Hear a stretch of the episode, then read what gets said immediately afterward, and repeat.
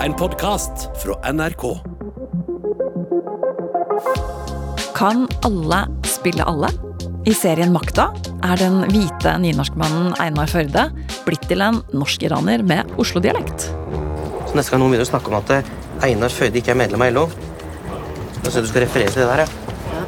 Du, ta Formuler noe på et papir, og så tar jeg og får det til å fly i morgen. Vi skal ha et møte. Ok? Ja. Jeg heter Jeanette Platou, og i Arena i dag så skal vi snakke om hvem som kan spille hvem. Galvan Mehidi, i Makta så spiller du en politiker som du selv beskriver som en av de hviteste fyrene i den serien. Hvordan da? Ja, I hvert fall navn Ingjald Sørheim fra Dokka. Jeg tror han er fra Dokka, hvis jeg ikke tar for i Toten. i hvert fall, Toten-området Så du blir liksom ikke mer erkenorsk enn det, føler jeg. Ehm, så jeg, kanskje, Det skal sies at jeg gjorde ikke så mye research på han som gjorde at jeg vet at han er den hviteste fyren i verden. Men han høres i hvert fall eh, Geografien hans tilsier det. Ja, er et litt annet navn enn Galvan. For å si det sånn. Mehidi. Ja. Galvan Mehidi. Det er noe annet. Nå kommer det masse krigsfilmer fremover. Kunne du med din kurdiske bakgrunn spilt Gunnar Sønsteby eller Quisling? Å, jeg trodde du skulle si Hitler. For det hadde vært spennende. Det hadde vært Og så har jeg litt hodefasongen til det, føler jeg. Litt sånn rund. Eh, om jeg kunne ha spilt det? Eh, ja og nei. Det spørs hva formålet med eh, filmen og serien var. For eksempel eh, Jeg hadde elsket å prøve å spille Quisling. Eh, samtidig så er det sånn Hva er, det, hva er målet med ehm, uh, hva, er hva er målet med hva du prøver å fortelle? Er målet å gjøre det så historisk korrekt og få folk til å glemme alt som heter tid og sted, og prøve å liksom leve seg inn i det, eller er det å bare- fortelle målet til uh, um, karakteren? For eksempel til, uh, til Ingjald. I Makta så spurte jeg jo uh, regissør da Ingvild Flikke om hva- hva slags Skal jeg gjøre så mye research som mulig? Skal jeg bare, hun bare Ikke tenk på det. Du skal tenke på målet hans. Så det er veldig, For dere som kjenner Ingvild, veldig god invitasjon. Du skuespiller. Jeg hører det. Ja. Eh, Nei, men eh, hun, hun var mer opptatt av hva målet til Ingjald var, uh, annet enn hva han spiste til frokost den morgenen. Fordi målet til Ingjald var uselvisk uh, uh, Hva heter det for noe? Tilknytning til partiet. Det var, han hadde stortroa på Gro. Det var Gro som skulle opp og frem, og det var hun som kunne redde partiet på det tidspunktet. Det var viktig for historiefortellerne til makta. Hva målet til min karakter var, ikke hvor korrekt en eh, Om han kom person fra var. Toten og ja, nettopp. nettopp. Ja, ja. Eh, Henrik Talsbakken, eh, du sitter og nikker veldig eh, når Galvan sier det her. Eh, du har regi på krigsfilmen eh, 'Convoy', som går på kino nå. Eh, hvorfor er absolutt alle karakterene der hvite? Det er rett og slett et valg vi tok eh, Eller det, på en måte, det er naturlig i og med at eh, de var hvite, eh, de norske skipene. Eh, Men jeg syns det er en veldig interessant diskusjon, og jeg må jo si at akkurat med makta så er det utrolig forfriskende, veldig inspirerende og engasjerende og underholdende at man tar sånne valg. Men i makta, i motsetning til Konvoi, så har man også en form på TV-serien hvor man tillater det i større grad. Hvor man på en måte ikke tar seg hensyn til historisk korrekthet, hvor man filmer et moderne Oslo, hvor man henvender seg til kamera, til publikum. Mens i Konvoi, som er med klassisk fortelling, for har publikum helt andre forventninger. Eh, og hvis man da begynner å eh, hva skal man si eh, tulle for mye med historisk korrekthet, så vil folk reagere på det. Så kan man selvfølgelig diskutere om det er rett eller galt, men for Konvoi så er det en film som skal nå breddene, og da må man være såpass trygg i sin form. da. Samtidig, det er interessant å bare, bare det at det var en kvinnelig radiooperatør i vår film, som Heidi Ruud Ellingsen spiller, bare det har skapt en del spørsmål og tilbakemelding på om det er historisk korrekt, og det er det jo. Eh, Det var én kvinnelig norsk-kanadisk radiooperatør, men, men selv det er på en måte eh, et, lite minefelt, bare det. Så det, det er interessant uh, hvordan man kan liksom ja, snu det, rett og slett. Og jeg tror den makta er på en måte med på å også lære publikum at det er det, det, er, det trenger ikke å være så svart-hvitt eller så, så historisk korrekt som vi kanskje har vært vant til fram til nå. Eh, Du sier minefelt. Eh, eh, For jeg merker at det å bare stille spørsmålet mm. Kan Quisling eh, spilles av en med brun hud? Det setter i gang noen følelser i meg. vi ikke har sett, følelser settes i gang hos deg da, Henrik? Når jeg Jeg, gikk og tenkte på det på eit. Og liksom, la oss si da, Nå kommer det en film om Quisling i september som Erik Poppe har regissert, med Gard Eidsvoll som Ja. Quisling. Eh, og la oss si da Galvan eller Nadir Kademi eh, eller Sara Korami hadde spilt Quisling. Jeg hadde godt å sett det, men jeg tror mange andre har vært veldig blitt satt ut av det. Eh, og det er noe vi som filmskapere må ta inn over oss når vi tar disse valgene. Eh, Hva er rett for denne filmen eller denne TV-serien? Hva gagner dette prosjektet? Hva blir en gimmick, og hva er med på å løfte det? Jeg mener at valget om å kaste Galvan og Nader osv. i makta er med på å løfte det. Løfte resultatet, gjøre det til mer interessant og mer, også mer tilgjengelig for et moderne publikum. Mens da, la oss si Quisling, da er jo en, en, en film og en, en historie som da Erik Poppe, antar jeg, vil at skal være så historisk korrekt som overhodet mulig. Mm. Gavan, hva med deg? Hvilke følelser settes i gang når jeg stiller det spørsmålet? Jeg tror at i makta så ehm, det, det var jo ekstremt mye eh, interessant som skjedde på den tiden. Og er overraskende, og folk har lyst til å eh, eh, eh, se tilbake på. Men det, jeg tror bare for å sette publikum liksom, eh, gjøre de mer spent på hva som kommer til å skje videre, så er det jo disse grepene du tok som var sånn Du vet aldri hva som skjer i makta. Er det en sparkesykkel i bakgrunnen? Er det, er det en svart kvinne som spiller uh, Reilf Steen? Sant? Hva er det som kommer til å skje? Og det tror jeg også gjorde adda på elementet av det. Men jeg er helt enig i at jeg hadde blitt satt ut hvis jeg skulle se en film som var liksom eh, portrettert som denne er historisk korrekt, og så er det Tinashe William som spiller Hitler. Jeg, det hadde ikke gjort meg liksom Det hadde tatt meg lang tid før jeg hadde levd meg inn i filmen. Ja. Um, så igjen så er det sånn Jeg har ikke noen sterke følelser til eller fra. Og jeg synes det er veldig morsomt at vi åpner med sånn Hvorfor er det hvite folk i den historiske filmen din, uh, uh, Henrik? Og det er liksom Det er jo Det er en rar tid vi lever i, Ja. at vi må si det. Ja. Hvorfor spilles uh, Quisling av en hvit person? Ja. Og så må vi stille, stille eh, spørsmål til deg. Men det er også spennende, da. Galvan, mange kjenner deg som programleder i NRK-podden Med all respekt, men du spiller altså også Ingjald Sørheim i Makta. Er fantastisk navn i seg selv, og det er faktisk ekte. Eh, så hvordan reagerte du da da du ble spurt om å spille ham? Eh, nei, For min del så var det det. Jeg trodde jo Når jeg fikk meldingen, så trodde jeg jeg skulle spille sånn taxisjåfør 1, taxisjåfør 2 eller en eller annen sånn bakgrunnskarakter. Eh, oppriktig. Så jeg, eh, på selve audition Jeg hadde ikke lest meg som De hadde ikke sendt meg mailen. Så når jeg kommer fram, så har de Har du lest? Har du ditt Jeg bare sånn Jeg har ikke fått noe Så det var noe tull med kommunikasjon. Så jeg får bare et manus på selve audition. Så jeg tror ikke at dette her er noen store greier. Så jeg spiller den egentlig ganske avslappa, sånn eh, tilfeldigvis. Eh, og tror at dette her er en sånn dagsrolle jeg skal bare innom og gjøre. Ehm, så ringer jeg et par dager etterpå for å spørre hvilken opptaksdag det er. Og så sier de det er ikke en opptaksdag, det er noen uker på sett. Um, så jeg var veldig positivt overraska og veldig forundra over hvorfor de hadde valgt meg. For det er men- vanligvis taxisjåfør 1 og 2 du får. det er Ja, jeg har faktisk eh, det, det, Jeg ble kasta til en taxisjåfør, og så var de sånn Jeg tror de var sånn Åh, dette her blir litt for klisjé. Så jeg begynte å jobbe i helsevesenet isteden. Så jeg begynte å jobbe veldig mye i helsevesenet. Jeg tror de tre siste rollene jeg har, så har jeg vært lege eller øh, sykepleier eller eh, vernepleier. En eller annen form for helsearbeider. Så vi har rykka litt opp, da. Så før så var det kebabarbeidere og, hjørnebutikker. Nå er det helsearbeider. Så det, er, det går Og, og nå statssekretærer eller uh, politiske rådgivere, da. Hva blir det neste? Du, Hva blir det neste? hva slags reaksjoner har du fått fra folk der ute? Bare eh, Det har helt nydelige positive reaksjoner. Folk har vært uh, overraska over eh, kvaliteten på serien og overraska over at uh, alle vendingene den har tatt. eh, kreativt og fortellermessig. Så eh, Og det er ingen som har kommentert sånn 'Å, gøy at du spiller en hvit fyr'. Det er egentlig bare jeg som har vært så opptatt av det. Ja. Ja. Du har vært opptatt av det? Eller vært sånn Er ikke dette rart? Hva er greia med det? Og så er folk sånn Nei, jeg tenkte ikke så mye over det.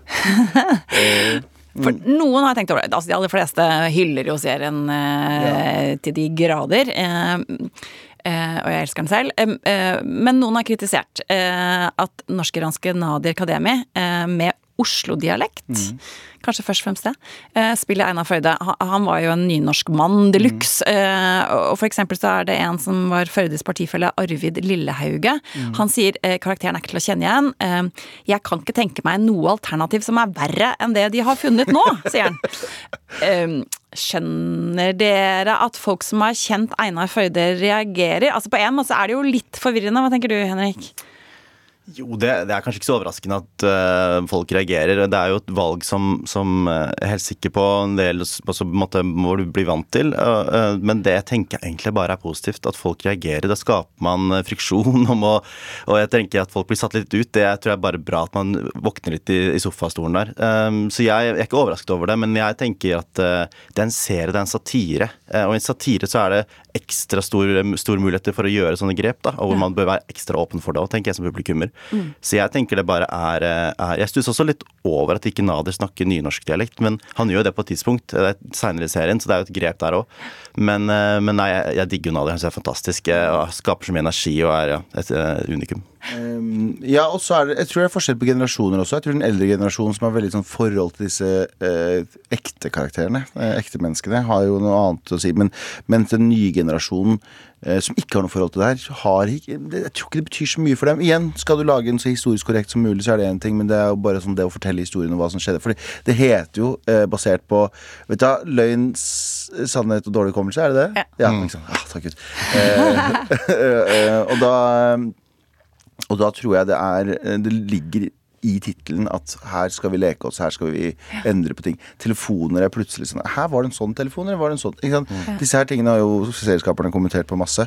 Men eh, da vil det også gjelde litt for karakterene. Fordi den nye generasjonen er vokst opp med et eh, mer mangfoldig Norge.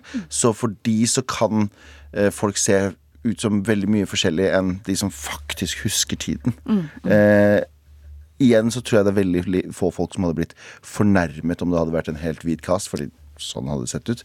Men så er det også spennende å se hvordan det hadde sett ut med helt andre karakterer, for nå handler det om, også om eh, kvaliteten på skuespillerne. Nader Kademi. Nå skal ikke jeg si at jeg er den gode jeg det, det, der skal, vi- det skal vi ikke kommentere i det hele tatt. Nader Kademi er en av mine favorittskuespillere, og det å se han i hvilken som helst rolle der, syns jeg er helt rått. Så her handler det bare om hvem har de tenkt er bra for den rollen, og funker for rollen, tror jeg. Henrik, du har akkurat kommet tilbake fra Rotterdam. Eh, premiere på Konvoi der. Eh, fortell litt mer om de der reaksjonene rundt at Heidi Ruud Ellingsen er med, at det er en kvinne om bord på Konvoi. Ja, det, det var Jeg er veldig glad for at det var en kvinne om bord, for det, det gjør filmen så mye mer interessant. Eh, Hvordan, hvordan da? Ikke fordi at hun er kvinne, for det, det kommenterer egentlig ikke filmen på. Det faktum at hun er kvinne, og det synes jeg også er veldig deilig. At det ikke er noe hun ikke blir seksualisert eller objektivisert, eller at det ikke er noe kjærlighetshistorie. Hun er bare en av gutta, for å si det bokstavelig talt. Eh, eh, og hun eh, hva skal man si, det er, det er rett og slett mer hennes funksjon. Hun, står, hun er kanskje den mest interessante karakteren i filmen i mine øyne. Hun står i en spagat mellom førstestyrmann og kaptein, og er en, en veldig viktig karakter i filmen. Og det at, hun, at den karakteren har, har masse kjøtt og blod og, og mye å spille på, det var helt avgjørende. Også når man skal ha én kvinne om bord, så må hun, kan hun bare være bakgrunnsfyll. Hun må ha en viktig, viktig funksjon. Men, men stopp litt der, for jeg, jeg satt når jeg så filmen, som er fantastisk, så, så satt jeg helt og tenkte sånn Ja, men hvorfor har han Jeg skulle jo laget programmet, så jeg hadde jo det i bakhodet når jeg så filmen, men eh, hvorfor, hvorfor du valgte å ha med en kvinne? For du kunne jo eh, laget en karakter med kjøtt og blod eh, som var mann eh, i den rollen. Absolutt, absolutt. Um, det er rett og slett Det går jo litt på intuisjon, og så går det på representasjon. Og så er det jo fakt, Ja. fakta er jo også at det var flere kvinner om bord på disse skipene. Ikke bare Det var én radiooperatør, som sagt, men det var også flere som jobba i Bysse andre steder. Så det var jo flere kvinner. Men, men radiooperatør, det var sjelden. Det var en Fern Sunde, som var norsk-canadier, som, som, som eh, var radiooperatør. Og hun er på en måte altså, Heidi sin karakter er bygget på den, er inspirert av den karakteren. Eh, og jeg må si jeg er veldig glad for Altså Når vi har to sånne haner eh, som Anders Bosmo og, og, og Tobias Altmann, så er det veldig deilig å ha Heidi i midten der som, som Hun er på en måte filmens i banken hjerte på mange måter. Og Uh, Også må- i pausene, da, eller? ja, på alle fulle måter. Men er Heidi norsk-canadier, da? Ja, hun så, er, ikke, så ikke helt korrekt. Men det er jo det er fiktive karakterer i filmen, heldigvis. Ikke basert på virkelig person, i motsetning til Makta, så er det Konvoi Alle er- fiktive i denne filmen. Men basert på virkelige hendelser. Basert på virkelige hendelser, ja. Ja. Så, så, men eh, Nei, jeg må si det, Jeg er bare, bare veldig glad for det. Det er noe med Skuespillere bringer med seg ulike, ulike styrker eh, og ulike kvaliteter. Og det Harry bringer med seg inn i filmen, er konvoi. Det, det er med på å løfte konvoi som film. Mm. Jeg likte veldig det du sa det med at um, det, er, det blir ikke kommentert uh, at det er en kvinne om bord, at det er en stor Og jeg tror det er um, det er vek, viktig i filmer også, men jeg tror det i, fil, eh, i filmer og serier så tror jeg det er veldig ofte så bringer mangfold med seg en moralsk pekefinger. Eh, som gjør at eh, den den peker fingeren mot, ikke kommer og ser på, og igjen så skylder vi på de. Veldig ofte når fil filmer handler om at hvite menn er kjipe, så eh, slår ikke den an hos hvite menn, og så er vi sånn Hvorfor er hvite menn så kjipe og ikke ser fyr? Ikke sant? Så det blir en sånn ond sirkel av ting. Det jeg liker med eh, f.eks. Makta eller mange andre serier som bruker mangfold som et grep, men ikke som en moralsk pekefinger, er at det normaliserer mangfoldet på en mye bedre måte enn folk som sier sånn Nå skal vi lage en eh, kvinneversjon av dette eller en brun versjon av dette, og så skal vi fortelle hvem, hvorfor alle andre suger. Eller burde skamme seg, ikke suger, men burde skamme seg over at de ikke tar ikke sant? Da blir det en moralsk pekefinger, og så klikker vi for at de ikke ser filmene og ikke bruk, kaster penger på filmene. Så eh, jo, eh, jo mer man gjør sånne ting som grep som det der, bruker mangfoldet for det det er verdt, men ikke påpeker det, syns jeg er ja, synes jeg på en måte er veien å gå. da Mm. eh, Og igjen, du kan gjøre det på begge mulige måter. Du kan gjøre det en hel hvit, eh, hvit eh, cast, eh, mannlig hvit cast, og ikke unnskylde for det. Eh, eller en mangfoldig cast, men bare det handler om å ikke hele tiden skylde på at folk, andre folk er kjipe. Ja. Eller fy skamme deg. Eh, ja. Så jeg- ja, jeg liker det grepet. Og Henrik, du, du tok jo noen helt andre grep i Munch, filmen som du også har hatt regi på. Um, der er jo også Nadir Kademi med, spiller Gustav Vigeland. Uh, en kvinne uh, spiller Munch. Altså det er, det er forskjellige faser eh, i Munchs liv der. Hvorfor helt andre grep der? Eh, Det var rett og slett det var helt i starten av den prosessen. Det er jo som du sier, det er fire ulike faser i livet til Munch, og tre av dem er datidige. datidige og så valgte vi, eller valgte jeg sammen med mannsforfatterne, å, å legge Berlin-delen, som var 1892, til nåtid. Eh, Det var et valg jeg tok også, eller jeg hadde lyst på å gjøre, mye fordi jeg gikk rundt og tenkte på hvordan ville Munch levd i dag, sammen med oss, hvis han levde var liksom nåtidig. Og så tenkte jeg også vår oppgave som filmskapere å tilgjengeliggjøre historien om Munch, selv om dette foregår for 100 år siden, for et moderne publikum. Det er jo nå vi skal se denne filmen. Mm. Da tenkte jeg det var også med på, så kanskje at yngre generasjoner fikk eh, mer forståelse for Munch. Um, og da, da så man friere til, og som man i makta har gjort, da, ta valg hvor man hvor Nader spiller Gustav Vigeland, som var alt annet enn en, en perser, og hvor liksom, ja, eh, Lisa Karled spiller August Rindberg, og hvor Anne Krigsvold spiller gamle Munch. Uh, så det, tok jeg tok sånne valg som også har tatt i valg, eh, nei, også tatt i makta, og jeg er veldig glad for å bidra, kunne bidra til å sette litt ny kurs for hva som er mulig, og hva som er lov, og hva som Ja, rett og slett. Og, liksom tulle litt med publikums forventninger, og da skape en ny presedens for egentlig hva som er mulig. At man kan over tid vende publikum til at det her er helt normalt. At Nader kan spille Gustav Wieland. Selvfølgelig kan han det. Eh, Det handler ikke om egentlig Det, det, det bør ikke handle om utseendet, det bør handle om eh, kvaliteten til skuespilleren, det indre styrkene og kvaliteten til, til skuespilleren. Det er det som er interessant, for det er det som treffer oss. Det er ikke utseendet, det er det indre. Nå høres det ut som alt er veldig greit når vi sitter her og snakker for alle er sånn yeah, dette er jo fantastisk og så bra, og nå går fremover. Men i USA så er det jo ikke bare yeah-stemning der, for å si det sånn. Eh, der har det vært ganske betent debatt. Et par eksempler er da debatten som oppsto blant Tolkien-fans da Amazon Prime-serien Maktens ringer eh, inkluderte karakterer med mørk hud. Eh, Da var det full baluba. Og Disney fikk en eh, del reaksjoner da de i sommer lanserte live action-filmen Den lille havfruen, med Halle Bailey i hovedrollen. Hashtaggen Not my Ariel dukket opp i sosiale medier. Fordi hun ikke er hvit, da, med rødt hår som i Disney-klassikeren. Eh, og så akkurat nå så er det debatter rundt innspillingen av live action-versjonen av Dragetreneren. It's a hidden dragon world. Wow. We did it. The world's first dragon Viking utopia. Der har Nico Parker fått rollen som vikingjenta Astrid. Men eh, Parker har ikke samme farge hår eller hud som animasjonsversjonen av Astrid. Så tenkte jeg vi kunne høre et lite eksempel på en rant fra et eh, TikTok-klipp som har fått over 800 000 likes. And I think it's actual bullshit, considering the fact that there were no such thing as a black Viking. We've all seen How to Train Your Dragon. This is exactly what Astrid looks like. She's a white woman with blonde hair. She's a Viking. Viking! White woman with blonde hair? Not a white woman at all. Ja, vi kan jo sitte og le, men hva tenker du, Galvan? Eh, Jeg tenker at veldig ofte så har eh, den castingen i Hollywood gått på bekostning av kvaliteten. Um, hva, hvilket var det første eksempelet du hadde? Uh, tenkte på eh, Maktens ringer, Amazon Maktens Prime. ringer. uh, eh, så beklager, jeg er veldig stor Lord of the Rings-fan. Eh, kjempedårlig. Ja. Eh, og Ariel-filmen også. Ikke noen bra film. Og veldig mange av disse filmene lider i kvalitet. Og derfor så Ja, det er veldig mye eh, reaksjon i forkant, men fordi filmen også ikke leverer og har brukt masse av budsjettet sitt, på å vise Se hvor annerledes vi er, så eh, går det på bekostning av kvaliteten. Jeg tror Hvis Maktens ringer hadde vært en killer og en banger, så hadde folk glemt det etter første episode.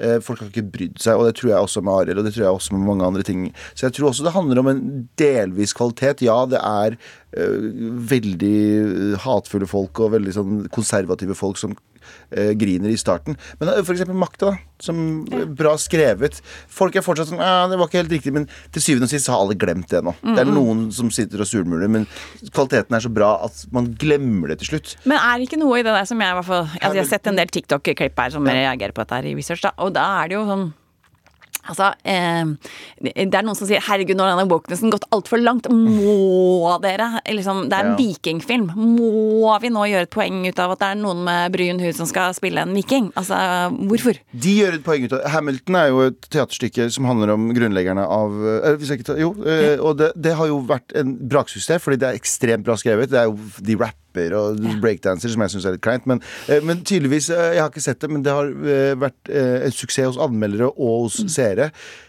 Den debatten dør fort. Ja, Hvis det er bra nok. Hvis det er bra nok. Hvis Ja. kvaliteten også, så, så dør den debatten veldig fort. Det vil være noe som klikker i forkant, og det vil være sånn Aha, se hva jeg sa. Det var ikke bra nok fordi mangfoldet Det er jo ikke derfor det ikke er bra, det er fordi at det ikke er bra. Eh, så eh, igjen, det er mange eksempler av det nøyaktig det samme som har skjedd. Masse drama i forkant. Viser seg å være et bra produkt. Folk glemmer det med en gang. Ja. Eh, og jeg tror sakte, men sikkert så vil disse tiktokerne dø ut. ikke sant, Men sånn meningene deres vil dø ut sakte, men sikkert. Ja, ja, ja, jeg skjønte at det var dramatisk, jeg også. Uh, Men den serien som kanskje eh, altså Nå snakker vi om norske makt, da. Men den serien som kanskje har gjort uh, såkalt fargeblind casting eh, svært, er jo Bridgerton på Netflix. Eh, Den har hatt kjempesuksess. Første sesong kom i 2020. Nå i år kommer det enda en sesong. Henrik, det er jo et historisk kostymedrama hvor det med fargeblind casting er et stort poeng.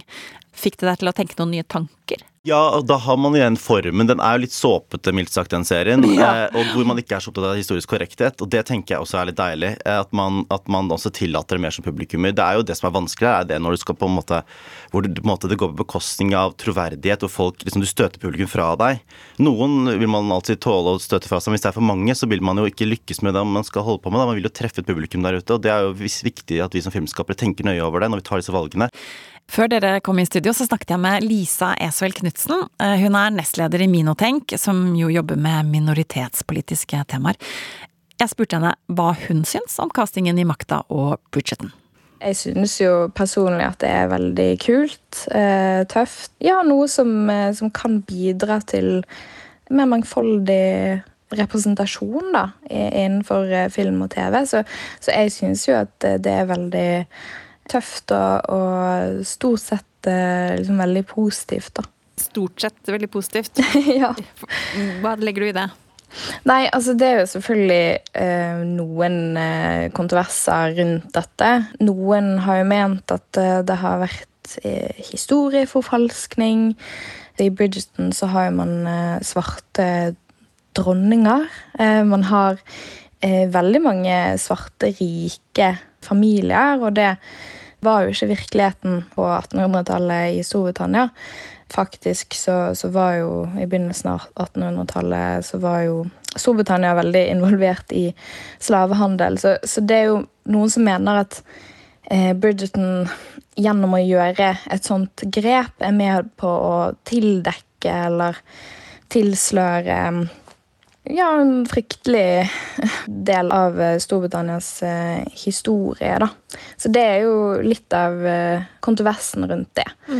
Eh, og personlig så mener jeg vel at selvfølgelig et, et poeng, men at vi har såpass mye liksom, dokumentasjon og andre serier og dokumentarer som, og filmer for den saks skyld, som viser den virkeligheten til at eh, vi også fint kan ha en serie som Bridgerton som, som på en måte snur litt opp ned på dette, da. eh, og som, som tester liksom eh, og, og pirker borti virkeligheten, da. Kommentator i Aftenposten Frank Rossevik, han skrev at hvis Einar Førde kan spilles av en mann med norsk-iransk bakgrunn, så må vi også si at Hadia Tajik kan spilles av en hvit kvinne. Hva mener du om det?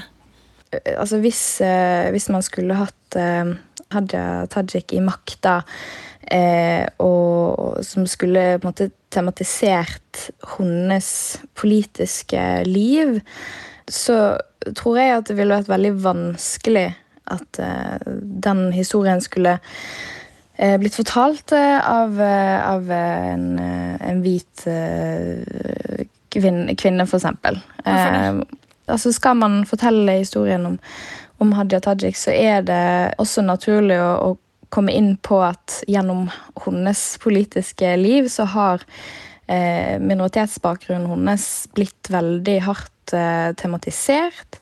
Eh, det har vært store debatter rundt det.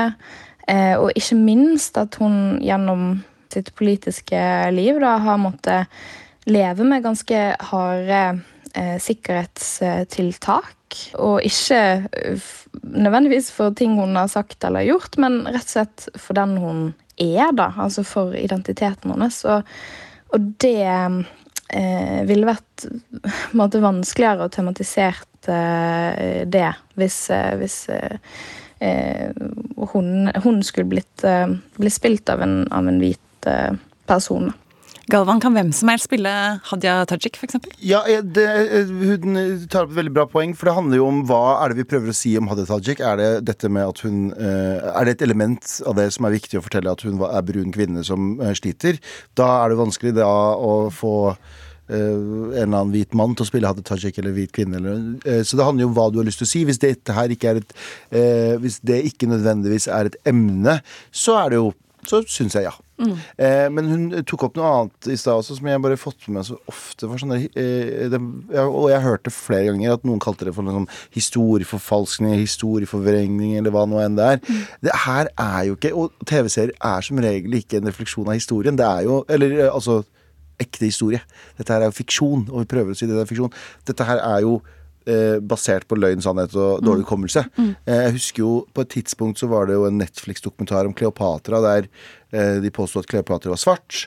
Eh, og så var alle bevisene de hadde, var Moren min sa det en gang. Det var en av bevisene de hadde. Det var en gammel dame som sa at Kleopatra er svart.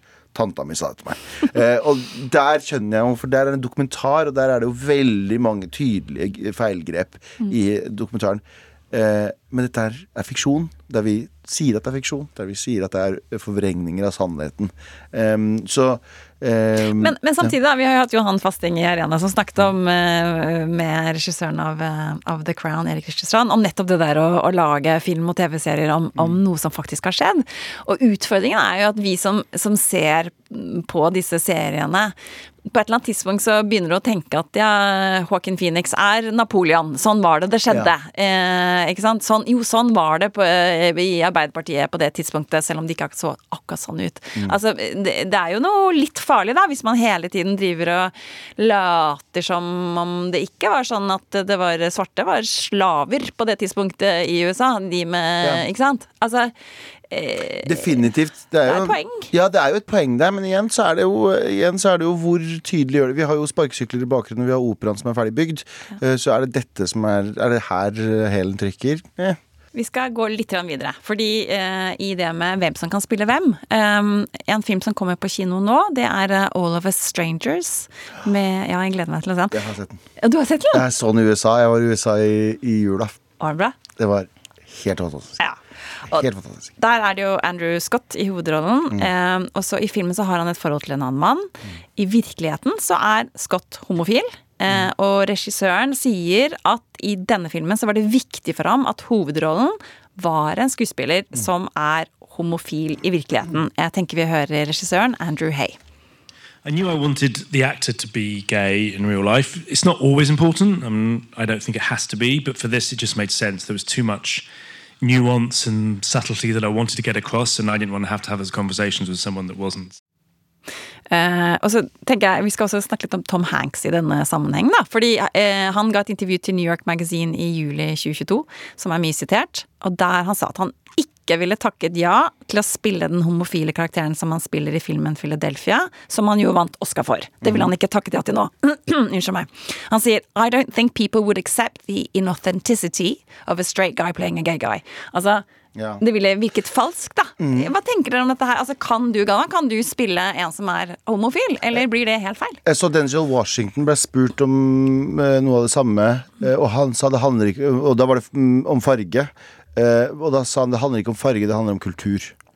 Og det er veldig viktig. Han, sa, uh, han brukte et eksempel med Steven Spielberg og Martin Scorsese, som var De kunne ha regissert hverandres filmer, men de hadde ikke kjent igjen hverandres kultur, og det hadde ikke blitt så autentisk. Og det tror jeg det handler om der også. Jeg tror at, um, jeg tror at hvis jeg hadde vært uh, en, um, en del av det skeive miljøet, har en del i venner i det skeive miljøet, så tror jeg det er noe annet, for du kjenner kulturen, du vet hva det er. Personlig så mener jeg dette her.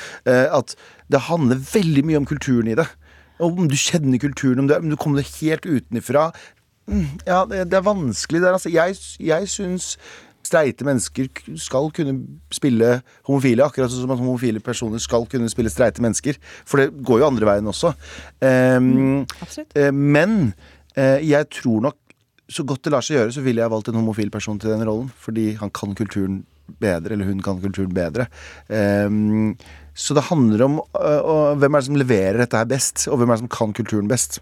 Tror jeg. Det Henrik, er ikke hele poenget at en god skuespiller skal kunne spille absolutt alt og alle, da? Jo, Egentlig? det tenker jeg. Eh, Det er, men det er jo altså Andrew Haig hadde et godt poeng, tror jeg. Det handler litt om hva prosjektets behov er, og hva man føler er riktig for, de som skal, for skaperne av prosjektet, og hva, ja, hva som gagner det, eh, og den prosessen. Jeg, men jeg er veldig sånn man, passe det ikke bli så woke at man må være personen for å spille den. Det, det tenker jeg, da, har vi, da trenger vi ikke skuespill lenger, da blir det jo bare dokumentarfilm. Så det, det, det, det jeg synes er en litt sånn rar diskusjon. Samtidig som det er viktig å ha den, så tror jeg jo Jeg er veldig tilhenger at eh, skuespillere kan, må kunne spille veldig mye forskjellige typer roller. Eh, uavhengig av liksom sin egen bakgrunn og, og legning osv. Så videre. sånn at eh, det, det jeg, jeg er tilhenger av at, eh, vi at sku, den riktige skuespilleren, den riktige rollen, er det beste valget uavhengig av ja, Og jeg legning. tror at de som er imot at brune folk spiller Ariel også ville ha sagt sånn Ja, men jeg sku- skal ikke en skuespiller kunne spille en skuespiller Du skal ikke være Fordi uh, woke-folk ville ha sagt sånn Nei, du kan ikke spille uh, handikappa. Ikke sant? Og det, det, det er de samme argumentene fram og tilbake her. Det er vanskelig, da. Mm. Det, ja. Ja, det er et minefelt, som sagt. Det er, det er, veldig interessant og veldig viktig å diskutere. Og det finnes ikke noe fasit heller. Det er jo litt vår egen Det er jo hva vi selv føler, da. Helt til slutt, vi skal oppsummere. Henrik, hva tenker du? Kan alle spille alle? Ja, i teorien eh, så kan alle spille alle. eh, så lenge prosjektet tillater det. Galvan? Ja, den gode, den gode historien vinner uansett, tenker jeg. Takk, eh, Galvan Mehidi, skuespiller i Makta og programleder i all respekt. Og takk, Henrik Dalsbakken, eh, regissør av eh, Convoy og Munch, blant andre filmer. Husk å følge Arena i appen NRK Radio. Da blir du varslet hver gang det kommer en ny episode. Arena lages av journalist Jostein Gjertsen, produsent Tuva Marie Sørum, vaktsjef Andrea Kvamme Hagen, kulturredaktør er Helene Hillestad, og jeg heter Jeanette Platou.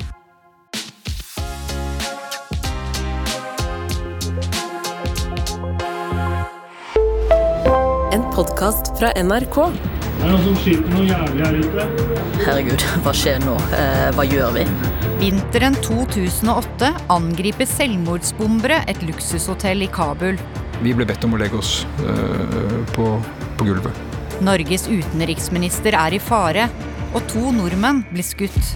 Det danner seg etter hvert en sånn stor pøl med blod rundt meg. Dette er ikke sikkert jeg overlever. Hør skuddene på Serena i appen NRK Radio.